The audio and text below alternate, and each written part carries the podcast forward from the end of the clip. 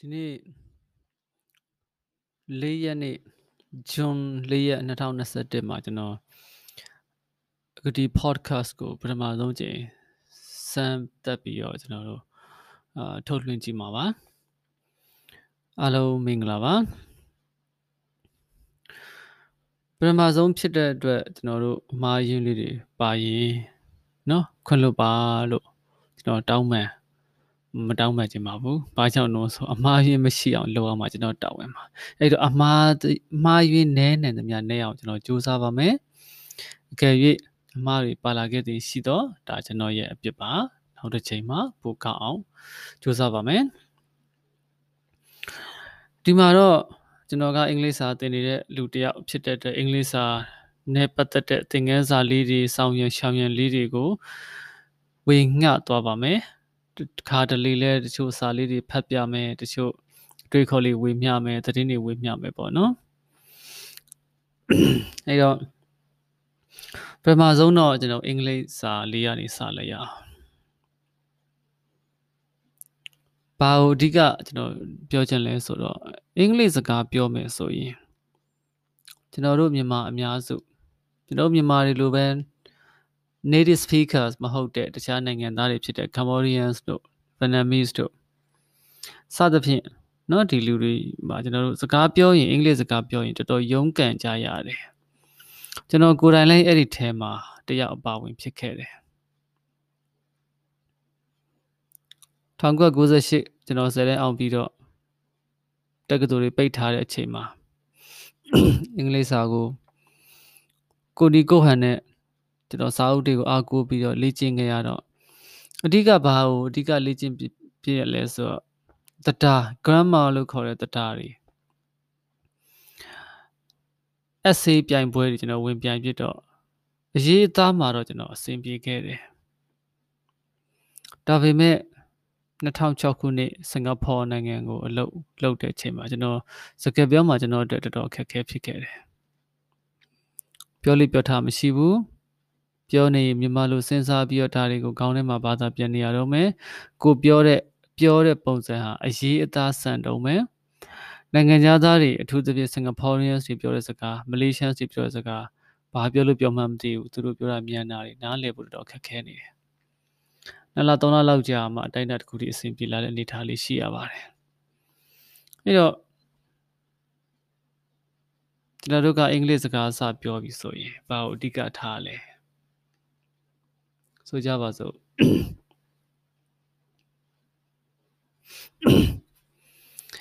ကျွန်တော်အဲ့ဒီကိုမသွားခြင်းဘူးသွားတယ်ဆိုရင်ကျွန်တော်ကသွားသည်ရောကိုချင်းလှုပ်ချင်တယ် want to want to go မသွားခြင်းဘူးမလှုပ်ချင်ဘူး don't want to go i don't want to go အဲ့တော့ကျွန်တော်တို့ကသွားတယ်ချင်တယ်ဆိုရက် သဘောတရားတွေသွားတယ်ဆိုတာနဲ့ go ဆိုရစကားလုံးဟာတန်းငယ်ထွက်လာတာဘာကြောင့်လဲကျွန်တော်တို့ကမြန်မာလိုစပြီးတော့စဉ်းစားတာသွားဆိုရစဉ်းစားတာအဲ့တော့သွားတယ်ဆိုတာက go ပေါ့ go go ဒါမှန်ပါတယ်ဗျဒါပေမဲ့သွားသည်လို့မသွားသည်လို့မစဉ်းစားပဲနဲ့မြန်မာလိုစဉ်းစားစရာမလိုပဲနဲ့သူကသူ့စိတ်ထဲမှာ အင်္ဂလိပ်လိုစဉ်းစားမိတယ်အင်္ဂလိပ်စကားလုံးလေးနဲ့စဉ်းစားမိသွားတယ်အပြင်ထွက်ချင်စိတ်မရှိဘူးစသဖြင့်ပေါ့ဟမ်အဲ့တော့ကျွန်တော်အတန်းထဲမှာပြောလေးပြောထားရှိတဲ့စကားလုံးလေးတစ်ခုဥပမာပေးတဲ့စကားလုံးလေးတစ်ခုကျွန်တော်ပြောပြပေးပါမယ်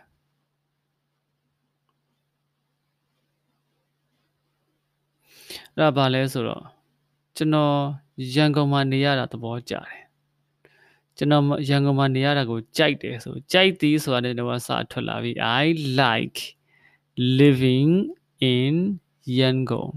I like or I love living in Yangon ဘာမှမှားယွင်းမှုမရှိဘူးအဲ့တော့အဲ့ဒါကိုတချို့နိုင်ငံသားတွေက native speakers တွေကဘယ်လိုမျိုးပြောကြမလို့ Okay I love living in Yangon လို့ပြောခြင်းပြောမှာပဲဒါပေမဲ့ Yangon is သို့မဟုတ် living in Yangon suits me ဩရန်ကုန်မှာနေရတာငါအတွက်အသင့်တော်တယ်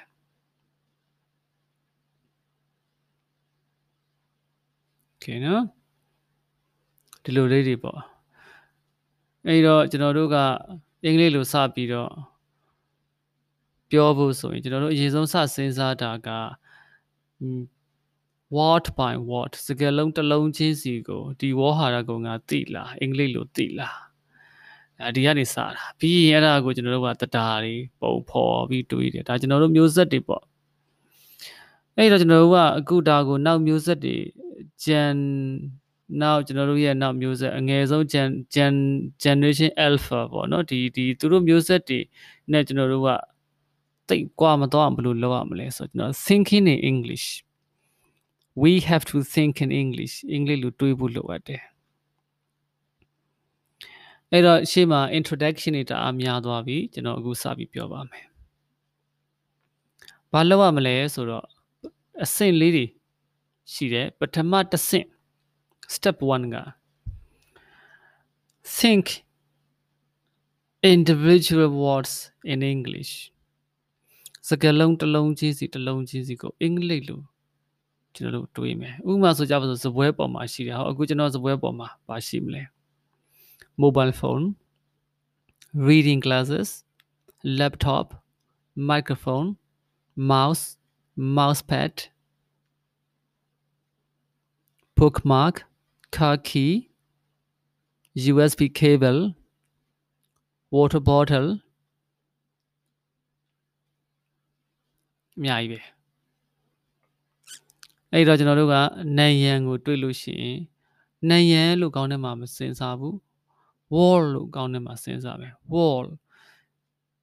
အဲ့ဒီတော့ကျွန်တော်တို့ကဘယ်လိုမျိုးလေးရာစမလို့အလွယ်ဆုံးလေးရစရအောင်ကို့အခန်းထဲမှာရှိတဲ့ပစ္စည်းလေးတွေအခုကျွန်တော်ပြောနေတာကိုခဏ pause လုပ်ထားပြီးရင်အခန်းထဲမှာရှိတဲ့ကို့ဘေးနားမှာရှိတဲ့ပစ္စည်းတစ်ခုချင်းစီကိုအင်္ဂလိပ်လိုသိလားစဉ်းစားကြည့် ခေါင်းထဲမှာအင်္ဂလိပ်လိုပဲမြန်မာလိုမတွေးနဲ့အားလုံးအခန်းတစ်ခုထဲမှာရှိနေမှာဆိုရင် wall carpet ကောစော ceiling နံရံမျက်နှာချက်เนาะအများကြီးရှိမယ်နောက် windows aircon or speaker bluetooth water chair tv calendar pencil hair hat အောက်ထုတ်စသဖြင့်ပေါ့ရှိသမျှပစ္စည်းတွေအဲ့တော့ဒါကိုအခန်းထဲကပစ္စည်းတွေအကြောင်းကိုကိုအင်္ဂလိပ်လိုသိပြီမသိရင်ရောမသိရင်အဲ့စလုံးလေးဟဲ့ဒီဟာကငါအင်္ဂလိပ်လိုမသိသေးပါလားမှတ်ထား စာရွက်တရက်မှာချရေးထားတစ်ချိန်မှာပြန်ကြည့်လိုက်ပါအပြင်ထပ်သွားပြီလမ်းပေါ်ရောက်ပြီတက်တိုင်တွေတွေ့မယ်လမ်း post တက်တိုင်တွေ့ပြီဒီလိုမျိုးပေါ့လူတွေလာတယ်ဟောရဲကားလာတယ် police ကဲနော်အော်ဘီလက်မြစ်တဲ့ကားလာ cement truck boxer traffic lights slow down sleeping police a slow down ဆိုတဲ့ဟာလေးကို sleeping police လို့လည်းခေါ်တယ်အိတ်နေတဲ့ရဲသားပေါ့ပြောချင်တာကတော့အဲနော်ဒါအချိန်လျှော့တဲ့ဂုံးလေးတွေပေါ့ဒါဆိုကျွန်တော်တို့ယုံမှာဆိုရင် printer ရှိမယ် meeting room ရှိမယ် projector ရှိမယ်စသဖြင့်အများကြီးပေါ့အဲ့တော့ဒါလေးတွေကိုကိုကကိုဘေးပတ်ဝန်းကျင်မှာရှိတဲ့အိမ်မှာရှိမယ်မိဖို့ကြောင့်ထဲမှာရှိမယ် မိဖို့ကြောင့်ထဲမှာရှိရဆိုရင်ဥပမာဆိုကြပါစို့ kitchen uh, fridge ရေခဲတက်တာ scissors ကတ်ကြီး knife ဒါအဲနောက်ပြီးတော့အများကြီးပေါ့ဗျာအများကြီးပေါ့ဟို sausage စသဖြင့်ပေါ့เนาะဒါဒါတွေအကုန်လုံးကိုအင်္ဂလိပ်လိုလေးအာဒီလိုလေးလောက်သွား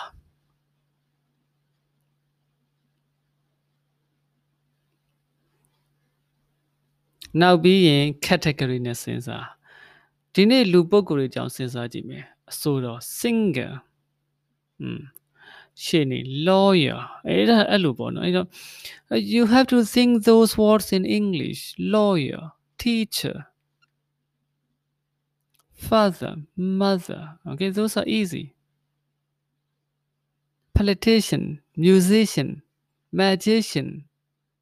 hmm. president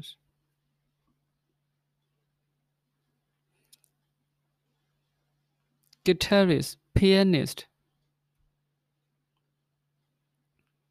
ဒီလောက်ဆိုသဘောပေါက်မယ်ထင်ပါတယ်အဲ့တော့ category တစ်ခုချင်းစီစဉ်းစားမယ်လူပုဂ္ဂိုလ်တွေအကြောင်းပြောမယ် single lawyer စသဖြင့်စဉ်းစားမယ်ရုံးမှာရှိတဲ့အသုံးဆောင်တွေစဉ်းစား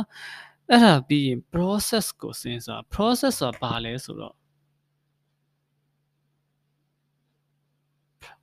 တစ်စင်ချင်းတစ်စင်ချင်းတော့စဉ်းစားသွားမယ် ဥပမာကျွန်တော်တို့မနက်စာစားမယ်မနက်စာမနက်ခင်းမိုးလင်းမယ်ဘာလုပ်မလဲကျွန်တော်အိပ်ရထားမယ် get up wake up နော်ဒါတွေက verb တွေတော့ဖြစ်နေတာပေါ့အဲ့တော့စပြီးစတွေ့ပြီးဘာတွေ့လဲမြန်မာနိုင်ငံမှာဆိုခြင်တောင်ရှိမယ် mosquito net ဟောဖြစ်လို့ခြင်တောင်ကိုလှက်လိုက်ပြီးထွက်လာပြီးရေချိုးကနေသွားပြီးသွားလိုက်စေသွားလိုက်တန် toothbrush toothpaste อืม face cloth towel water อืมခေါင်းဖိမယ် com စသဖြင့်ပြီးမနေ့စာစားတော့မယ် breakfast bread sandwich စသဖြင့်ဒီဖြစ်ချင်းအဲ့လိုတွေစဉ်းစားသွားရင်ကိုတည်တဲ့နဲ့ပြောချင်တဲ့စကားလုံးတွေကိုတစ်လုံးချင်းတစ်လုံးချင်းစီအင်္ဂလိပ်လိုကျွမ်းကျွမ်းကျင်ကျင်ရလာလိမ့်မယ် အများကြီးလေ့လာစရာမလိုဘူးအချိန်အများယူစရာမလိုဘူးတရက်ကိုမနက်ခင်း15မိနစ်နေ့လယ်15မိနစ်ညအဲ့ရမင15မိနစ်15မိနစ်ချင်းစီခွဲသွား15မိနစ်များရင်10မိနစ်လောက်ကစလိုက်ပေါ့ဒါဆိုလို့ရှိရင်ကျွန်တော်တို့နံပါတ်1တစ်ဆင့်ဖြစ်တဲ့ individual walls ကိုကျွန်တော်ရတယ်ဟောဒုတိယတစ်ဆင့်ကျွန်တော်တို့ထပ်ထည့်သွားမယ်။ဘာလေးတွေထပ်ထည့်မလဲဆို adjective တွေထပ်ထည့်မယ်။ အဲ့တော့အခုပဲကျွန်တော်ကကျွန်တော်ဘေးမှာရှိတဲ့ပစ္စည်းတွေကျွန်တော်ကြည့်မယ်။ဟိုကျွန်တော်ရေတောက်လိုက်တယ်အဲ့ဒီရေခွက်ကိုကြည့်တယ်ရေခွက်ကနည်းနည်းခက်ချီချီဖြစ်တယ် glass နော် glass အဲ့တော့ big glass သို့မဟုတ်နောက်တစ်ခုစာအုပ်လေးကျွန်တော်တတိလေးရှိတယ် small book okay အဲ့လိုပေါ့နော် cable ရှိတယ်ဘာလို့ဘယ်လို cable လဲဟော flat cable အပြားကြီးသို့မဟုတ်အလုံးအဖြူရောင်စသဖြင့် white cable နယံကိုကြည့်မယ်ဘာရောင်လဲ white wall okay စသဖြင့်ပေါ့အဲ့တော့အစောကပြောတဲ့ singer တွေသွားကြည့်အောင် famous singer favorite singer successful violinist ဟော dated politician ညစ်ပတ်တဲ့နိုင်ငံရေးသမားစသဖြင့်ပေါ့ဒါနမူနာပြောပြတာပါအဲ့ဒီအချိန်မှာဒီ adjective နဲ့ဒီ noun နဲ့တွဲလားမတွဲလားကြည့်မနေနဲ့ကိုကစဉ်းစားစဉ်းစားတာလိုက်စဉ်းစားပြီးမှအဲ့ဒါကိုတစ်ချိန်မှာ dictionary တစ်ခုသုံးဖို့ internet မှာရှာကြည့်ပါ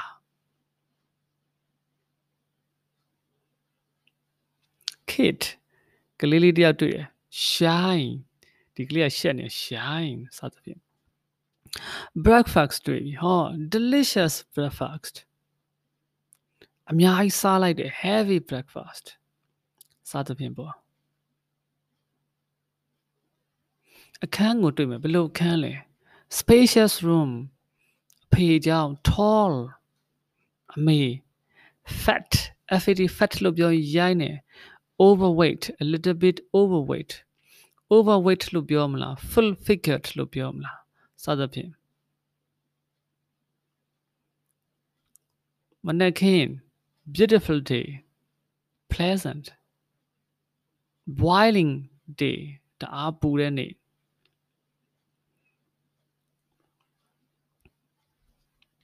ရုံးမှရှိတဲ့အသုံးဆောင်တွေအကြောင်း printer ဒီ printer ဟာလုံးဝကို အော်ညစ်ပတ်နေပြီအလုံးမလုပ်တော့ဘူးတော်တော်ဆိုးဆိုးဝါဖြစ်နေပြီဒီဟာကိုဘယ်လိုပြောမလဲလမ်းကျဲတာဘယ်လိုပြောမလဲ white လို့ပြောမယ်ချက်ချင်းဆိုကျဲတာလို့ပဲထွက်လာမယ် white လို့ထွက်ချင်မှထွက်မယ်နမူနာပေါ့အဲ့တော့မြန်မာလိုစဉ်းစားကြရလို့အင်္ဂလိပ်လိုတခါတည်းအဲ့စကားလုံးတွေကိုကိုရောက်လာအောင်ဒီလိုလေးစဉ်းစားသွားမယ်အဲ့ဒါပြီးရင်ဒါကျွန်တော်ဒုတိယဆင့်ပြီးပြီပထမတစ်ဆင့်မှာ individual word ဒုတိယတစ်ဆင့်မှာ adjective တွေထည့်မယ်တတိယတစ်ဆင့်မှာတော့ sentence ဝါကျတစ်ခုဖွဲ့ပါတော့ဆိုကြပါစို့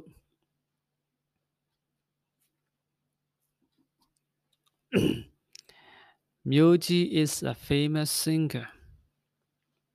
Breakfast is ready. I am hungry. I'm not hungry. My table is clean စသဖြင့်ပေါ့ This room is delicious sorry this room is spacious sorry you know I don't like I don't like to go out today စသဖြင့်အဝကြအဲ့တော့မနေ့ခင်းမိုးလင်းတာနဲ့ဘာစဉ်းစားမလဲမနေ့ခင်းမိုးလင်းလွယ်လွယ်လေးစစဉ်းစားကြည့်မနေ့ခင်းမိုးလင်းမယ်ကိုဘာလုပ်မလို့ What should I eat for breakfast မနေ့စာဘာစားမလဲ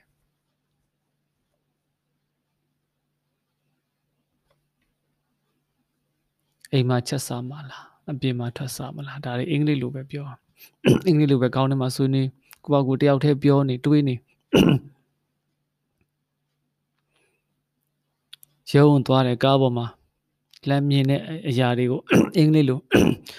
Oh today is hot อืม I think today is hotter စသဖြင့်ပေါ့ We should not drive this fast ဒီလောက်မြန်မြန်ကြီးမမောင်းသင့်ဘူး Oh I don't want to wait in these traffic lights anymore It's stuffy here ဒီမှာပူလိုက်တာဒီမိပွိုင်းမှာမဆောင်ကျင်တော့ဘူး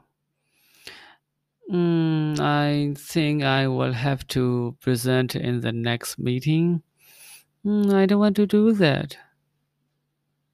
Maybe I should talk to my boss. Hmm. အဲ့လိုလေးတွေပေါ့ရုံးကအကြောင်းတွေကိုတွေးနေညအိမ်ရမဝင်ခင်မှာလည်းတွေ့လို့ရ Oh what did I do စသဖြင့်ပေါ့ငါဒီနေ့ဘာလုပ်ခဲ့လဲ Did I do or did I make a lot of mistakes today ငါဒီနေ့အလုပ်တွေအများကြီးအမှားတွေအများကြီးလုပ်ခဲ့လားမနေ့ကဘာလုပ်မှလဲ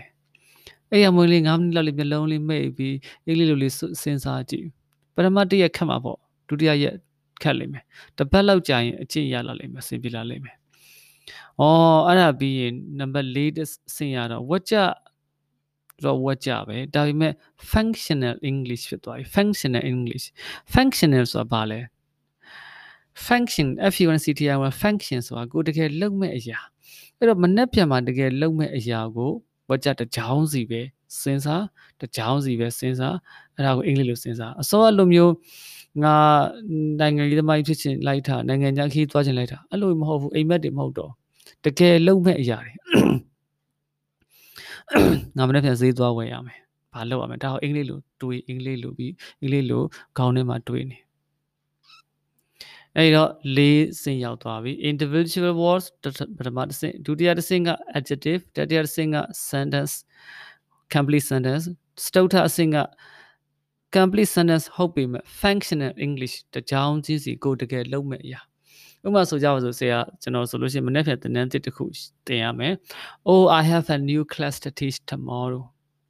နေ့ကငါအိုက်စာသင်ရမယ်ဒါပဲငါမနေ့ကစာသင်တန်းတစ်ရှိတာပဲလို့အင်္ဂလိပ်လိုမတွေးမြန်မာလိုမတွေးဘူးအင်္ဂလိပ်လိုတွေးမယ် I have a class to teach tomorrow ဒါပဲဒါဆိုလေးစင်ပြီးသွားပြီဆိုနောက်ဆုံးတစ်စင်က story telling ပါ story telling ပုံပြောမယ်ပြုံပုံပြောမယ်ဆိုမှတော့ဟိုးရှေ့ရှေ့တော့ဘီးတစ်ပါးရှိတယ်ကဲပုံမြင်ပြီးပြီလို့လုပ်လို့မရဘူးဘီးကြီးမှာတပီတော်လေးတစ်ပါးရှိအောင်မယ် နော်အဲအဲ့နန်းတော်ကြီးနဲ့မနီဘူးဝေးမှာသား၃ယောက်ရှိရအောင်မယ်အဲ့သား၃ယောက်မှာအကြီးနှစ်ကောင်ကဦးကြောင်ကြားတယ်အငယ်ဆုံးကောင်ပဲတော်တယ်နောက်ဆုံးတော့ဒီအငယ်ဆုံးအသားလေးနဲ့သမီးတော်လေးနဲ့လက်ထပ်ပေးရအောင်မယ်အဲ့ဒါဒါပုံပြင်းနေပုံပြင်းဆိုမှတော့ဝက်ကြတစ်ကြောင်းနဲ့မရတော့ဘူးနှစ်ကြောင်းသုံးကြောင်းတစ်ခုနဲ့တစ်ခုချိတ်ဆက်ရတာမယ် Oh I have a class I have a new class to teach tomorrow hmm So maybe I should not go out with my family tomorrow as I have got to prepare a lot of things စသဖြင့်ပေါ့နော်။ငါမနေ့ကသူတို့အတွက်ပြင်ဆင်စရာအများကြီးရှိတယ်။